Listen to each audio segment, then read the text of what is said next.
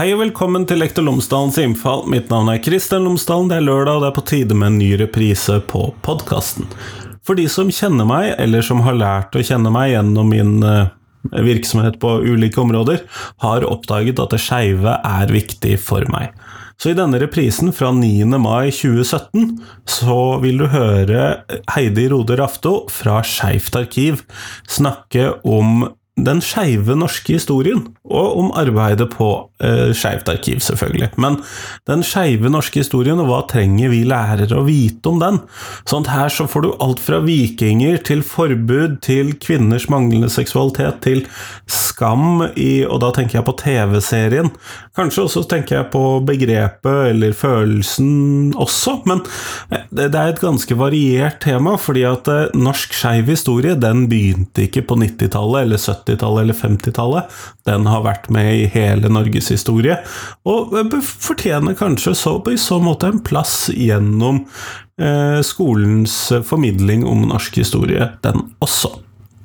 Så er det selvfølgelig sånn at podkasten er sponset av Cappelen Dam Utdanning, og hvis vi går inn på skolen.cdu.no, så finner vi alle de ressursene som Cappelen Utdanning har laget i forbindelse med fagfornyelsen i grunnskolen. Dette er stoff til alle fag, emner, eh, tverrfaglige tema, alle årstrinn, i det hele tatt, hele grunnskolen. Det finner du på skolen.cdu.no. Men nå, nå kan du få høre intervjuet mitt med Heidi. Vær så god.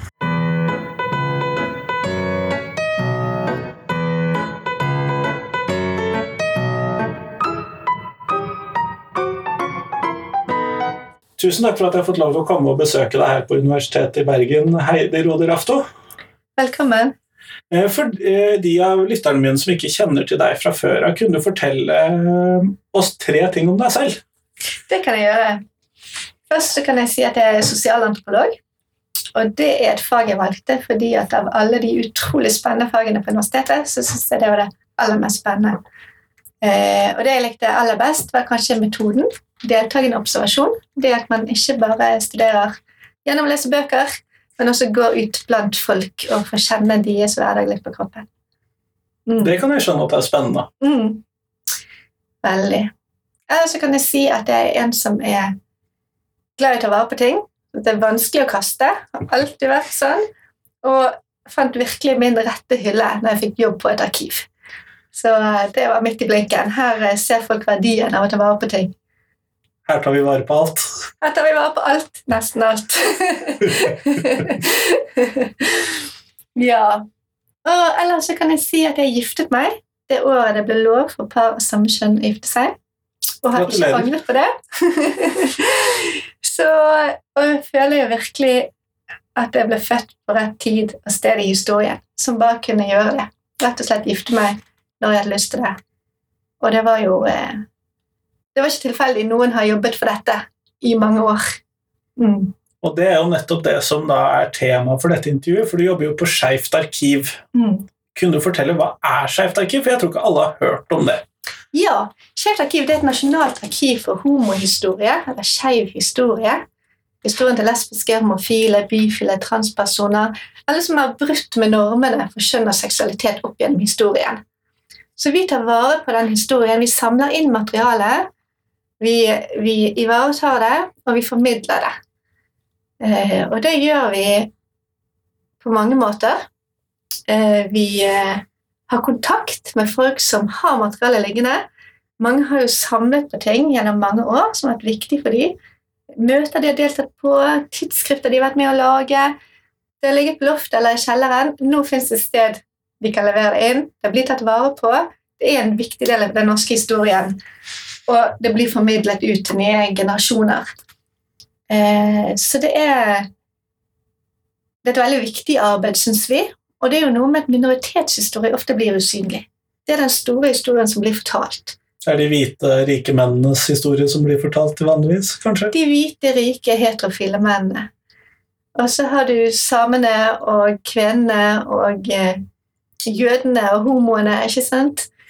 Faller litt utenfor, og man lager gjerne sine egne arkiver og museer for å løfte frem den historien. Og det er jo blitt gjort for mange andre minoriteter, men merkelig nok ikke for den homofile historien før nå, når Skeivt arkiv startet i 2015.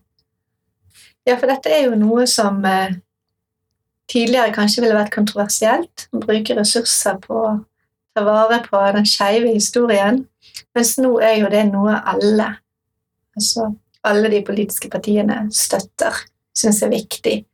Eh, det fins en vilje og en forståelse for at dette er verdifullt å ta vare på.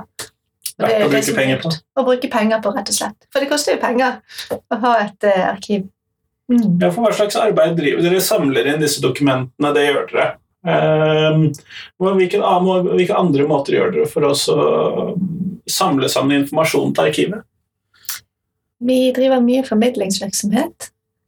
Holder foredrag, skriver artikler, kronikker, er ute, holder møter for å formidle at Kjedarkiv finnes. At det er et sted å både levere materiale hvis man har, og innhente kunnskap hvis man eh, er interessert i, i skeiv historie. Vi bruker mye ressurser på nettsiden vår, der vi eh, gjør tilgjengelig mye av materialet. Vi digitaliserer sånn at man kan hente kildene direkte fra nettet uten å måtte komme hit til lesesalen. Eh, Og vi skriver artikler. Vi har et eget nettleksikon som heter Skeivopedia, som eh, sakte, men sikkert fylles ut. eh, Og, og gir veldig mye informasjon om den norske skeive historien og ting du ikke finner andre steder. Så Det er en viktig måte å formidle informasjon på. Mm. Det høres ut som dere bedriver ganske viktig arbeid da, for å bevare disse sidene ved norsk historie. Eh, og sånn som jeg oppfatter fordi at eh, Dette er jo da en ganske revolusjon over en kort tidsperiode, sånn at mange av disse som har vært med fra starten, er fra fremdeles i live til en viss grad, i hvert fall. Ja, det er, jo, det er jo absolutt noen som er i live. Du har jo Kim Friele. Er jo eh, veldig kjent som norske, en av de norske homopionerene. Og f.eks. Vigdis Bunkholt er mindre kjent, men hun er jo 81 år nå. Var med i styret i Det norske forbundet 48 på 50- og 60-tallet. Og virkelig en av pionerene. Og hun er en av de som vi har intervjuet. Kjerke gjør et livsminneprosjekt der vi intervjuer eh, mennesker om sine egne erfaringer og sin historie. Eldre homofile, lesbiske, andre skeive. Eh, For det er jo gjerne fortellinger som bare fins muntlig, som fins som minner og ikke er skrevet ned. Det er kjempeverdifullt historisk materiale. Eh, men et sånt arkiv som dette her blir jo da kanskje av en del sett på som et sånt, hva skal vi kalle det sånn, med særinteressefenomen. Men hvordan kan man da gjøre dette arkivet til eh, interessant for eh, majoritetsbefolkningen? Da? Eller hvordan prøver dere for å få dette opp og frem som et sånt mer enn en særinteresse? Ja, jeg tenker jo at skeiv historie er kjempeinteressant for alle. Ikke bare for de som sjøl er skeive. Og det handler jo ikke bare om historien til en minoritetsgruppe. Det handler jo om store, fundamentale endringer i det norske samfunnet gjennom vår nære fortid. Man kan jo tenke på hvordan arbeiderbevegelsen, hvordan kvinnebevegelsen har forandret samfunnet vi lever i. Og det er jo det samme homobevegelsen. ikke sant? Sånn at dette er jo interessant for alle å kjenne til. Og det handler jo også det om å, å motvirke fordommer. Kan høre noen i dag som sier ja, det virker så inn å være homo nå for tiden. Det er vi så mange som er skeive. Og det kunne ikke man sagt hvis man var klar over at skeive har jo bestandig eksistert. Men det har vært usynlig ikke sant? pga. stigma og tabu. Men det betyr jo ikke at de ikke har fantes. Nei, og det er vel i mange miljøer i Norge fremdeles slik at du ville vel kanskje ikke velge å være homofil hvis, du, hvis det var et valg. Det virker som en veldig merkelig påstand at det er så mange eller det er så inn å være skeiv nå for tiden. Det er vel få som ville valgt å leve i et forhold til noen man ikke var interessert i fordi det var inn. Da strekker du deg langt for å følge moten, tror jeg. Da strekker du deg langt. Så motinteressert tror jeg aldri har vært. Nei, det kan du si. Eh, Men av den kunnskapen som dere sitter på, da, eh, så tenker jeg jo kanskje at ut mot skolene kanskje er en aktuell eh, At mye av denne kunnskapen burde i hvert fall formidles inn mot skolene. Fordi at Ja, absolutt. Og arkiver er jo ofte rettet mot studenter og forskere, kanskje journalister. Eh, Det er jo gjerne de som bruker arkivene aktivt. Men eh, vi på Skeivt arkiv tenker jo at skoleelever og skolen generelt er jo en kjempeviktig målgruppe.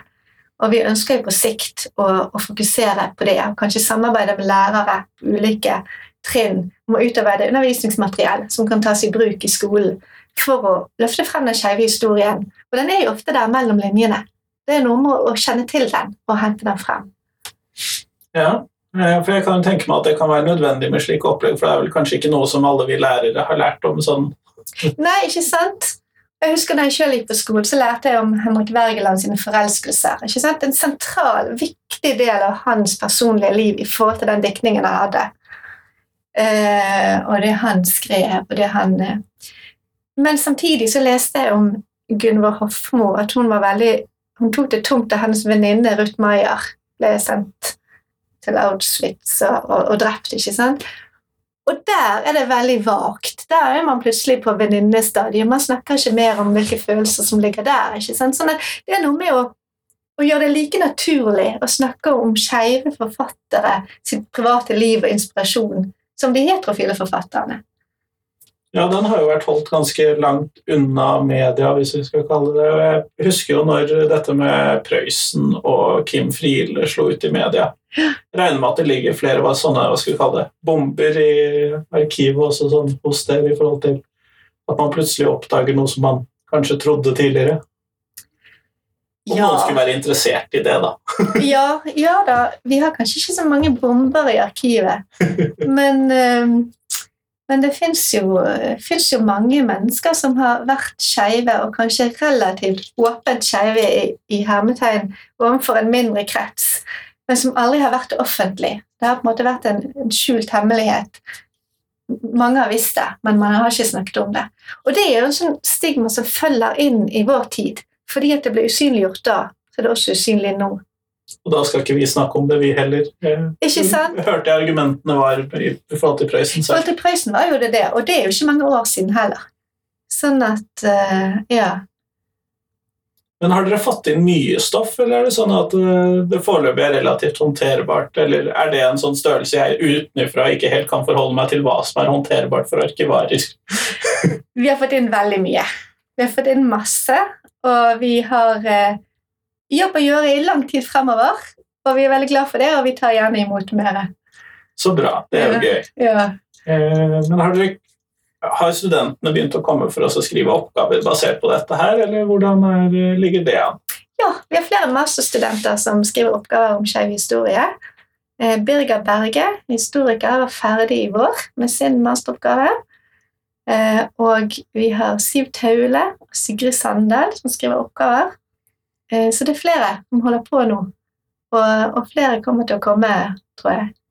Så gøy. Hva går oppgavene sånn tematisk ut på? Er det noen sånn fellesnevner der, bortsett fra selvfølgelig det skeive, da? Ja. Eh, Birger Berge skrev, skrev om eh, familieforståelser i homobevegelsen. Hvordan den har forandret seg. Eh, Siv Taule skriver om de lesbiske feministene på 70-tallet. Ja, det tror jeg så. Ja. Det var en, en eller annen artikkel om det. Ja, det lå på, på nettsidene våre. Og så er det Sigrid Sandal skriver om transtematikk. Mm, så det er et bredt spekter. De er jo historikere og kulturvitere. Og vi ville jo veldig gjerne ha studenter her fra andre fag.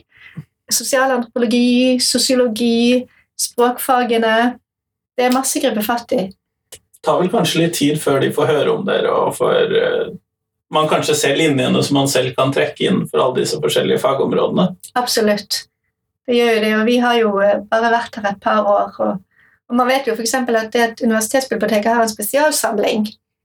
Mener, de har jo vært her i, i veldig lang tid. Ikke alle som vet om det heller.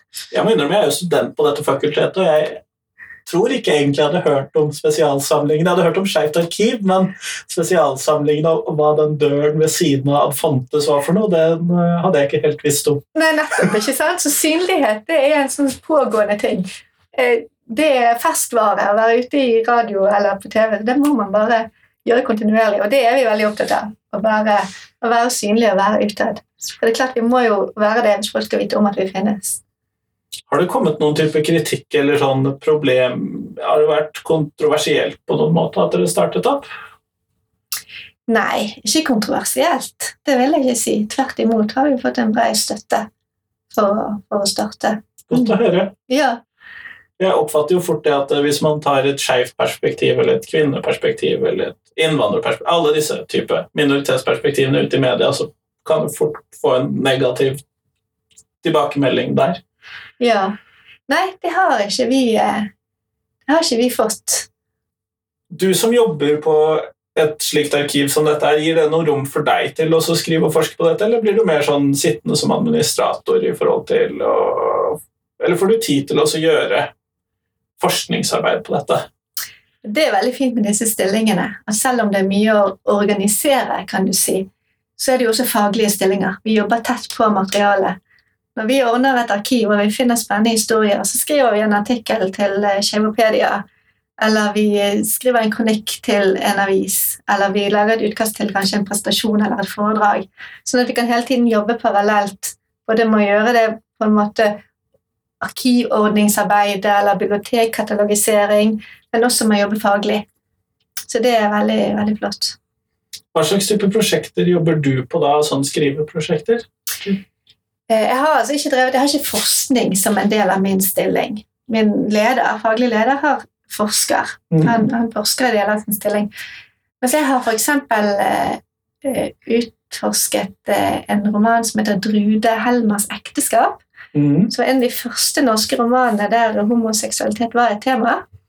Veldig spennende liten roman. Ikke noe kjent fra tidligere. Ingen som har skrevet om den før.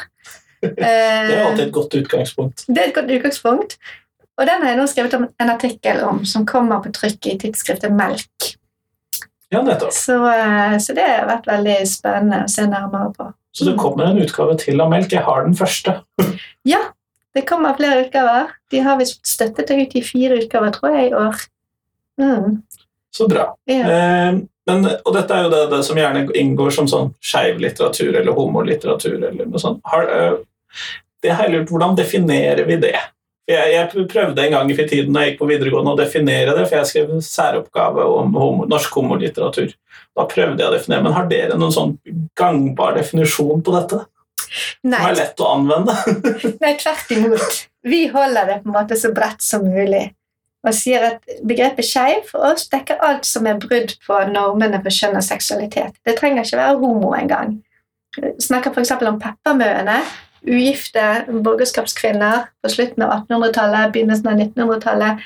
De var ikke nødvendigvis lesbiske, men de valgte bort ekteskap, de valgte bort barn. De levde gjerne sammen med andre kvinner, tok utdannelse, jobbet istedenfor å prioritere familieliv.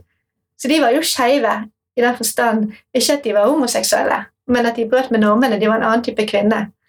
Og noen av de var kanskje skeive også, altså lesbiske, men det vet vi ikke noe om i ettertid. Men de brøt i hvert fall med datidens normer. Med datidens normer, ikke sant? Sånn at eh, Ja. Jeg tenker det er viktig å holde disse kategoriene åpne, og heller spørre folk om de definerer seg inn. Men det bringer meg over til det vanskelige ikke sant, historisk. Man skal ikke trykke vår tids kategorier nedover personer som har levd for lenge siden. Nei, for de identifiserte seg kanskje ikke verken med som feminister eller skeive eller lesbiske eller Nei, ikke sant? Så det blir på en måte vårt blikk på de tilbake. Og det er vi veldig opptatt av når vi formidler. Vi kaller ikke folk lesbiske hvis de levde på 1700-tallet, men vi sier noe om hvordan de levde, hva som skjedde. Hvem de eventuelt levde sammen med. Og så. Ja, brevene de skrev til hverandre. Hva sto det der? Ikke sant? Ut fra det så kan vi lese ting, og vi kan forstå ting. Men eh, vi er veldig forsiktige i ikke kategorisere mennesker som levde på en tid der de kategoriene ikke eksisterte. Ja, for det ville jo være brudd med deres selvforståelse. Ikke sant? Um, har dere Når dere får inn data her, da, eh, så får dere inn da også fra tidlig 50-tall og 60-tall osv. Eh, hvor disse kategoriene kanskje ikke var så tydelige. Er det mange som håper på en viss anonymitet inn i dette her, eller er det sånn at man stort sett er relativt åpen om eh, sin posisjon i norsk homohistorie, og dermed eh, at det ikke skjules dokumentene frem til de er døde, f.eks., eller lignende? Hvis du skjønner hva jeg mener? Ikke helt. At om man har klausuler på de dokumentene som leveres inn til man selv er død, f.eks., eller lignende. Ja, det er jo mulig å levere inn materiale med, med klausul. Eh, det er ikke så mange som har bedt om det, men, men det er fullt mulig hvis noen ønsker det. Og det er jo noen som har eh, f.eks. vært med å lage tidsskrifter på 70-tallet en gang, som sier at dette ønsker jeg ikke skal bli digitalisert. Fordi man skriver som en radikal ung lesbisk i tenårene. kanskje ikke det du vil stå inne for når du er godt voksen, seriøs person. Ikke sant? Det handler jo noe om, om livsfase òg, ikke nødvendigvis at man ikke står inne for at man er skeiv, men kanskje måten, uttrykksmåten. Ja. Radikale eh, tanker fra ungdommen og biter oss gjerne litt i rumpa når vi blir voksne. Det kan gjøre det. og det er jo noe med at mye av dette materialet, eller alt materialet, i hvert fall eh, fra tiden før internett kom, ble jo skapt ikke med tanke på at det kunne bli universelt tilgjengelig. Man, man tok bilder, og det kunne jo bli vist for de som så de fysiske fotografiene. Da måtte du dukke opp eller kjøpe bladet eller Ikke sant? Blad ble skrevet for et lite miljø. Det var en, en liten gruppe som både laget det og leste det. Og skal man da plutselig få det lagt ut på internett, så alle kan, kan se det, det er jo noe helt annet. Ja. Og så har vi kanskje fått en annen forståelse i forhold til en hel andre kategorier i samfunnet også. Så man vil vel kanskje oppdage uheldige koblinger til enten det er rasisme eller til andre ting inni det hele også, hvis man skulle få inn alle meningene eller ja. ja, det kan godt hende. Mye har, mye har jo forandret seg mer enn bare det skeive i løpet av de siste 75 årene. Absolutt. Eh, Så det kan jeg jo tenke meg at man ville kunne finne en del forskjellig. Eh, Du snakket eh, før vi begynte intervjuet med at dere skulle stå på stand, at dere sto en del på stand for Skeivt arkiv. Hvordan fungerer det? Jo, vi har stått på stand under Oslo Pride de siste årene, eh, og det er jo en veldig flott arena. Når man står på stand, så kommer jo folk som er interessert, forbi. Noen stopper opp, forteller at de eh, forteller om sin egen historie. Forteller at de har materiale liggende på eh, loftet eller i kjelleren. De lurer på om vi er interessert i det, og det er vi jo, selvfølgelig. Noen har dokumenter, noen har tidsskrifter, noen har kanskje dragkostymer. Kjempemye spennende materiale. Eh, Og også andre kommer og oppdager at vi finnes. Det fins et kjevt arkiv, og de er interessert i å bruke det. Kanskje de er studenter eller forskere. Så Det er jo en uh, veldig flott uh, arena. Vi har hatt uh, quiz om skeiv historie, som har vært en fin måte å kan du si, gi litt sånn basiskunnskap til folk Ja. om den skeive historien. Så ja, det er veldig, veldig kjekk eh, arena for oss. Det høres ut som dere har fått en ganske sånn folkelig formidling. Ja, det er jo viktig. Det er ikke bare forskere vi skal nå ut til, det er jo folk flest. Folk vet jo ofte overraskende lite om den skeive historien. Og de som vokser opp i dag, de kan jo knapt fatte hvordan det var for noen tiår siden. Eh, og det er jo mange som nesten ikke tror det hvis man sier at det var forbudt å være homo i Norge til 1972. Det var kriminalisert med sex mellom menn. Det er ikke lenge siden. Nei, det er jo ikke det. Det er jo knapt noen år før jeg ble født. Ikke liksom. sant? Ja. Eh, Det sier kanskje mer om min alder enn det nå. Men det leder meg egentlig litt over hvor jeg hadde lyst til å gå nå. fordi at eh, jeg, Mitt anekdotiske da, holdepunkt i dette her er jo da hva jeg lærte som eh, eh, når jeg gikk på skolen, og hva, jeg, hva som står i lærebøkene. Og det er ofte sånn Ja, det var forbudt fram til da og da, og så nå er det bedre, og nå kan du gifte deg. ja. Det, er- det er der det sånn samfunnsfaglig og historisk formidles. Det formidles selvfølgelig litt mer i KRLE eh, i forhold til identitet og sånn, og i naturfag og sånn, så er det litt grann med, men det er det historiske bildet som tegnes opp. Og det jeg lurer litt på da, er hvilken informasjon tenker Skeivt arkiv eller du at eh, ungdommen burde lære om norsk homohistorie? Eh, gjerne litt i de lange linjene. Sånn, hva er det man liksom At det var forbudt, og nå kan du gifte deg, det er liksom enkelt og greit. Mm. Men hva mer er det man trenger å lære? Ja, det er et veldig godt spørsmål, og jeg tenker at det er veldig viktig å lære noe om nyansene i dette. For eksempel så lærer man at det var forbudt frem til 1972. Da er det veldig lett å tenke homofile inn i en offerrolle. De var kriminaliserte, eh, det var en, eh, definert som en sykdom å være homofil. Eh, Man kan tenke seg at dette er en stakkarslig gruppe. De var usynlige, de fantes nesten ikke. Og det bildet er jo ikke helt sant. Det fantes jo mennesker som var skeive. Det fantes miljøer folk som traff hverandre. Det fantes vennskap, forelskelser, kjærlighet, fester, ikke sant? Mot, motstand, kamp. Så det bildet er jo mer nyansert enn som så. Så det er en viktig ting å få frem. Eh, og kanskje også det at det er ikke bare lett i dag, fordi om eh, homoseksualitet ikke lenger er kriminalisert, så er det også en nyanse, nyanser der som er viktig å få frem. Og der syns jeg jo at eh, Skam har gjort en kjempeviktig jobb. Eh, alle satt jo og fulgte Even og Isak i fjor høst med hjertet i halsen. Og, og de viste det veldig godt, syns jeg. At Ja, for det har du vel skrevet litt om. ja, det har jeg. Og eh, Isak har det jo bra nå. Han kan leve åpent med sin kjæreste, men det har vært en, en eh, tung vei for han, selv om han levde i 2016. Og det tenker jeg er et viktig perspektiv ved det. At alt forandrer seg ikke bare ved lovendringene. Samfunnet er mye mer enn bare sine lover. Så ja, Holdninger tar lengre tid. det tar lengre tid. Og det å bryte med kjønn og kjønnsidentitet er jo veldig, også i dag, det en veldig sånn stor og litt sånn vanskelig ting. Det ser man jo transperspektivet kommer jo mye mer frem nå enn det har vært. Eh, Det er kjempeviktig.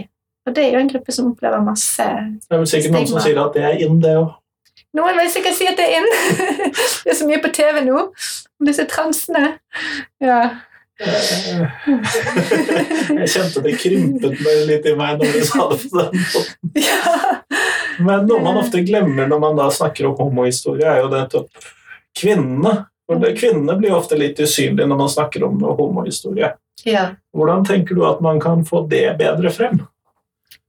Ja, det er jo kjempeviktig å løfte frem eh, kvinnens historie. Den lesbiske historien. Og, eh, og det gjør vi. Både i artikler vi skriver, i sakene vi graver frem fra historien, og i eh, formidlingsoppdrag. Eh. For eksempel er det noen veldig interessante historier som omhandler kvinner da, fra eldre tid. Eh, I Nå skal jeg sjekke her.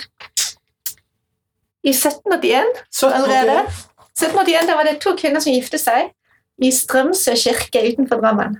Ja, nettopp. Det var jo relativt tidlig. Det var relativt tydelig. Eh, Da de giftet seg, så hadde den ene et mannsnavn, Jens Andersen. Men etter hvert viste det seg at han var altså eh, vokst opp som Marie Andersdatter. Og vi vet ingenting om hvorfor han utga seg for å være mann. Og vi vet ingenting om hvilken identitet han hadde, eller konen hans. Men det vi vet, var at uh, han var født kvinne. Han utga seg for å være mann, han giftet seg med en kvinne. Og når han ble, ble avhørt om dette, og det ble avdekket, så sa han at han trodde han kunne være begge deler. Altså både mann og kvinne. Det var hans identitet. Relativt tidlig Jeg vet ikke om vi skulle puttet kategorien transperson på det, er nettopp fordi at man skal ikke dytte våre kategorier på, som du snakket om. Men det er jo relativt tidlig skeivhet i forhold til normene, da. Ja, det er veldig interessant. Så kan man jo snakke om var han lesbisk, var han en transperson? Så kan man diskutere. Det er veldig interessant å se på sånne saker. Det sier jo noe om Du finner sånne små gløtt av skeiv historie i kirkebøker eller i ja, historiske kilder. ikke sant? En annen sak med en kvinne veldig interessant. I um, 1895 så var det en kvinne som ble lagt inn på Rosenberg asyl i Øvregaten i Bergen med diagnosen homoseksuell. Jeg trodde ikke kvinner hadde seksualitet på den tiden.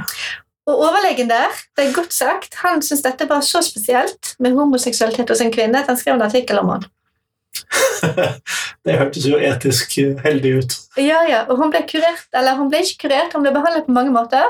Med hypnose, med kalde bad, med beroligende medisiner. Men hun ble aldri kurert. Interessant at kalde bad skulle fungere. Ja, ja. Jeg mener at jeg har hørt om en lesbisk isbaderklubb. ja, det kan hende. Jeg vet ikke om det er noen direkte lenke derfra, men ja.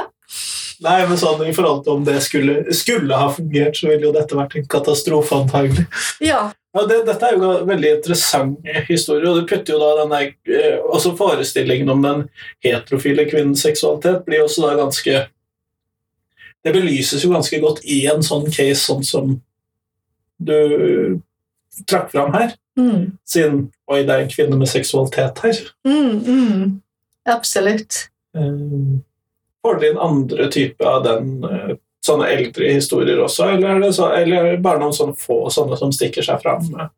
Det finnes noen enkelte historier, så det er ikke mange, men ut fra de vi får inn, så kan man jo få et litt bilde yeah. av den tiden, de situasjonene. Og det er jo veldig interessant når man finner sånne enkelthistorier. Hva er det eldste sånn materialet dere sitter på sånn, i forhold til dette her? Eller om du vet det? Ehm, Jeg så at du hadde skrevet litt om vikingtiden og sånn inn i denne Isak og Even Skam-artikkelen du hadde skrevet, så var det også trakk, trukket linjene ganske langt tilbake. Og da ble jeg litt nysgjerrig på det. Ja, ja for det er jo det eldste materialet jeg nevnte i den artikkelen. Det er jo en runepinne. Den fins ikke her hos oss, men den fins fra museum, og den, eh, der står det jo eh, Ole pult i ræva, eller noe lignende. ikke sant? Og det sier oss jo noe om at dette var et konsept man, man hadde en forestilling om homoseksualitet, og måten det ble brukt på, som et stigma. Ja. Som en form for sjikane. Og det var også tagget inn på en runepinne. Med mindre det var sånn sladderpinne i et klasserom sånn for å bare formidle en ting, så høres det ut som eh, stigma. Ja. Ja. Ehm, Men det, er kanskje en fordel at samfunnet har gått langt siden da. Eh, Men her i Bergen så har vi jo nettopp hatt denne runden med om Bergen skal bli Europride-by osv. At det fortsatt er en viss motstand mot nettopp denne type aktiviteter. Eh, Hvordan kan vi bruke arkivet, eh, Skeivt arkiv, til å på en måte illustrere hvorfor dette ikke er en seksualisering av samfunnet, eller hvorfor dette ikke er en ja. Eh, Jeg tenker på sånn bruk av arkiv i forhold til inn mot moderne tid. da. At vi kan se linjene, hvis du, hvis du skjønner hva jeg mener. Mm. Jo, vi kan jo f.eks. si altså Når vi snakker om homoseksualitet her, så er det jo ikke først og fremst sex vi tenker på eller snakker om. Det handler jo om identitet, det handler om relasjoner, det handler om lover, det handler om, eh, om eh, fellesskap, om organisering. Det handler om så utrolig mange menneskelige aspekter. Sexen er egentlig ikke den viktigste biten av dette her. det. Det er jo ikke den viktigste biten. Altså, det er jo selvfølgelig viktig på mange måter, men, men det er så mye større. Ja. Eh, og det er jo det en prideparade handler om. Det handler jo noe om, om menneskeverd, tenker jeg. Og der har det skjedd en enorm forandring for homofile eller skeive. Og mye gjenstår også. Så at det fremdeles er viktig, det skulle jo være helt eh, innlysende. Ja, bare se på Isak, ikke sant, i fjor høst. ja. Det er et veldig godt eksempel. 2016, sant? Ja. Han kunne kline med en jente åpenlyst på dansegulvet, men når han var i ferd med å kysse en gutt, og det smalt i døren ikke sant? Det ansiktsuttrykket hans det sier alt. Han måtte gjemme seg. Han ble livredd. Ja. Ja. Og det, man skulle vel kanskje tro at vi hadde kommet lenger enn det, men, men nei. Men nei. Nei, det er mye som gjenstår. Man skal ikke være naiv i forhold til hvor, hvor mye som har skjedd. Og en av de eldre lesbiske vi har intervjuet til Livsbindeprosjektet, hun sa det veldig tydelig at ja visst var det veldig vanskelig å være skeiv da hun vokste opp og var ung. Men det er jammen mye negative holdninger som ligger der fremdeles. Men de er mer skjult. De er ikke så åpenlyst. Det er mindre godkjent å være homofob i dag. Men ofte så ligger det rett under overflaten. Det merker man veldig godt. Så man skal ikke være på en måte overdrive hvor langt man er kommet. Man skal alltid ha i bakhodet at det er, det er mye som gjenstår før vi er, er helt fremme. Vi merker vel kanskje mest på dette i forhold til kirkens kamp for eller imot. Kirken har jo mange ansikter. Kirkens kamp for eller imot uh, homofile ekteskap innenfor kirkens vegger. Mm. Der merker vi vel kanskje en del av disse fordommene ganske sånn åpenbart. da. Ja, ikke sant? Og det er jo et historisk år i år, når eh, par av samme kjønn faktisk kan gifte seg i kirken i Norge. Dette er jo et år som kommer til å bli stående i, eh, i historien som en merke, merkeår. Jeg tror, tror nok ikke at Skeivt arkiv vil mangle fremtidig inntak av stoff. Nei, på ingen måte. Vi, eh, vi jobber jo i et tusenårsperspektiv når vi tar vare på ting, og det kommer vi til å fortsette å gjøre. Men dere tar da vare på mer enn bare sånne bilder og tekst. Fordi Ja. at de er ganske lett å ta vare på, sånn i forhold til at man Det tar ikke så stor plass. Nei. Mye av det tar stor plass. Men fordi at du snakket også om dragkostymer, tar du også vare på det inn i arkivet? Ja, vi tenker jo, Med arkiv tenker man jo ofte dokumenter. Ja, det er min fordom her. Ganske tydelig, ja. Ja, men, men arkiv er jo mye mer enn det. Vi tar jo imot eh, fotoalbum, filmer, lydopptak. Vi har T-skjorter, vi har jakkemerker, vi har faner. Eh, sånn at eh, Vi har bøker og tidsskrifter. Fyrstikkeske fra Metropol. Eh, det er en hel masse ulike typer materiale som er med å dokumentere historien. Eh, så ja, absolutt. Og det er klart at dragkostymer må oppbevares på en, en annen måte enn papirer. Eh, men man kan formidle det f.eks. ved å ta bilder Ja. og, og legge ut, så, så andre kan se dem, om ikke man kan fysisk undersøke dem. Og, og disse kostymene skal jo brukes i en utstilling, f.eks. Vi skal ha i, Oslo til sommeren. Da er det utrolig flott å ha den type materiale, for det er så visuelt. ja. Eh, Den skjer da i forbindelse med Skeive dager i Oslo, eller er det mer sånn eh, Ja, det er åpning i forbindelse med Skeive dager i Oslo. Og Den skal stå til eh, ut august. Hvor skal utstillingen være? På Kulturhistorisk museum. Ja, nettopp. Der, ja. Og temaet er skeivt uteliv gjennom tidene. Og Det er jo et utrolig spennende tema, for der ligger det jo så masse. I utelivet der har man både de positive tingene, fest, fellesskap, eh, sjekking, men man har også hiv og aids, alkohol, rusproblematikk. ikke sant? Det er et, eh, et felt som dekker det meste. Det er veldig spennende å, å grave frem materiale derfra. Mm. Er det lett å ta en sånn, hva skal vi kalle det, en sånn negativ vinkling i forhold til offer og i forhold til eh, eh, diskriminering og voldtekt der det har foregått og sånne ting, eller er det eh, vanskeligere å holde unna, et sånt rosenrødt bilde av det? Hva, hva tenker du er vanskeligst i forhold til det, og hvilket bilde man da tegner i en slik utstilling? Ja. Det blir enten veldig svart eller veldig rosa, hvis vi skal bruke de to fargene til å beskrive ja. Nå er det et pågående arbeid. Ja, Og det er to som er ansatt for å jobbe med denne utstillingen. Eh, Vibeke Hermanrud og Henriette Stensdal. De kuraterer denne utstillingen, så de jobber med dette nå. Så jeg kan ikke svare på det enda. Men det er et veldig spennende spørsmål, og eh, jeg gleder meg veldig til å se det de velger ut, og hvordan den utstillingen blir til slutt. det blir spennende. Veldig. Ehm, nå går vi mot slutten av podkasten, og jeg har jo da selvfølgelig et sånn fast spørsmål som jeg alltid stiller, og det er hva ville du gjort hvis du var norsk skolediktator? Hvis du hadde fritt mandat og fritt budsjett til å så eh, bestemme, innføre, endre noe i norsk skole? Ja, det er jo masse man kunne gjort i norsk skole. Men hvis jeg skal ta det fra mitt utgangspunkt Ja. og Skeivt arkiv, eh, så ville jeg innført en studietur for alle elever i norsk videregående skole. For å gå litt i fotsporene av den norske skeive historien.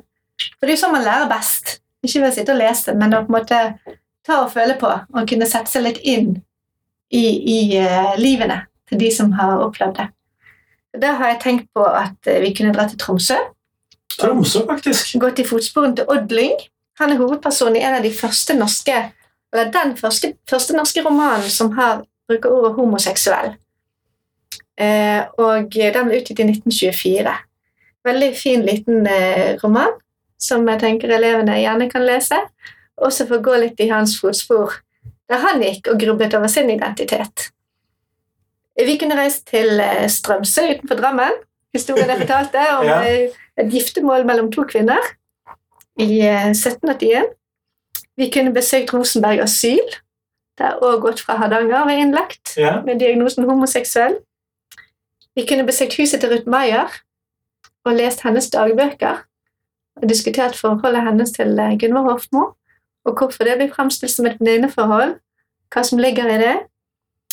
Vi kunne eh, dratt hjem til en av pionerene i norsk homobevegelse, f.eks. Vigdis Bunkholt, og hørt hennes fortellinger fra mange år i, eh, i den homofile frigjøringsbevegelsen.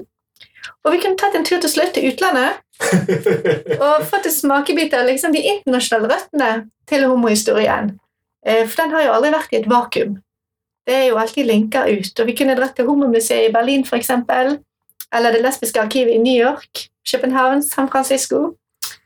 Med ubegrenset, ubegrenset budsjett så er det utrolig mye spennende vi kunne sett. Og jeg er helt sikker på at elevene hadde syntes at skeiv historie var kjempeinteressant. Det tror jeg også, særlig med en sånn tur. Ja. Tusen takk for at jeg har fått lov til å komme og prate med deg.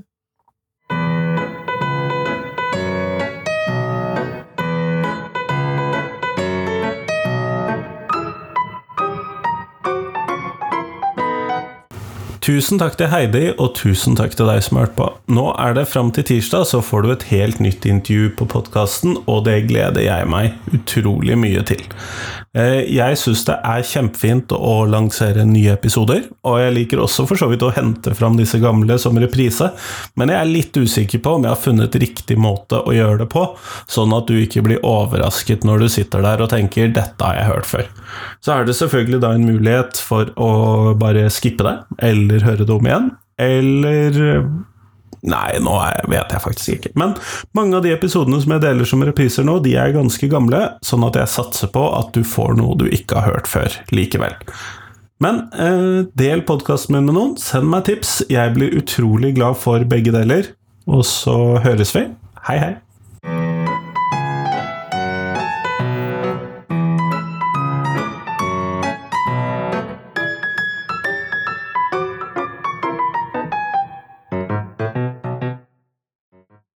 Husk at du kan gå inn på Instagram for å finne bilder av uh, lektor Lomsdalens innfall. Så kan du se litt hva jeg driver med der.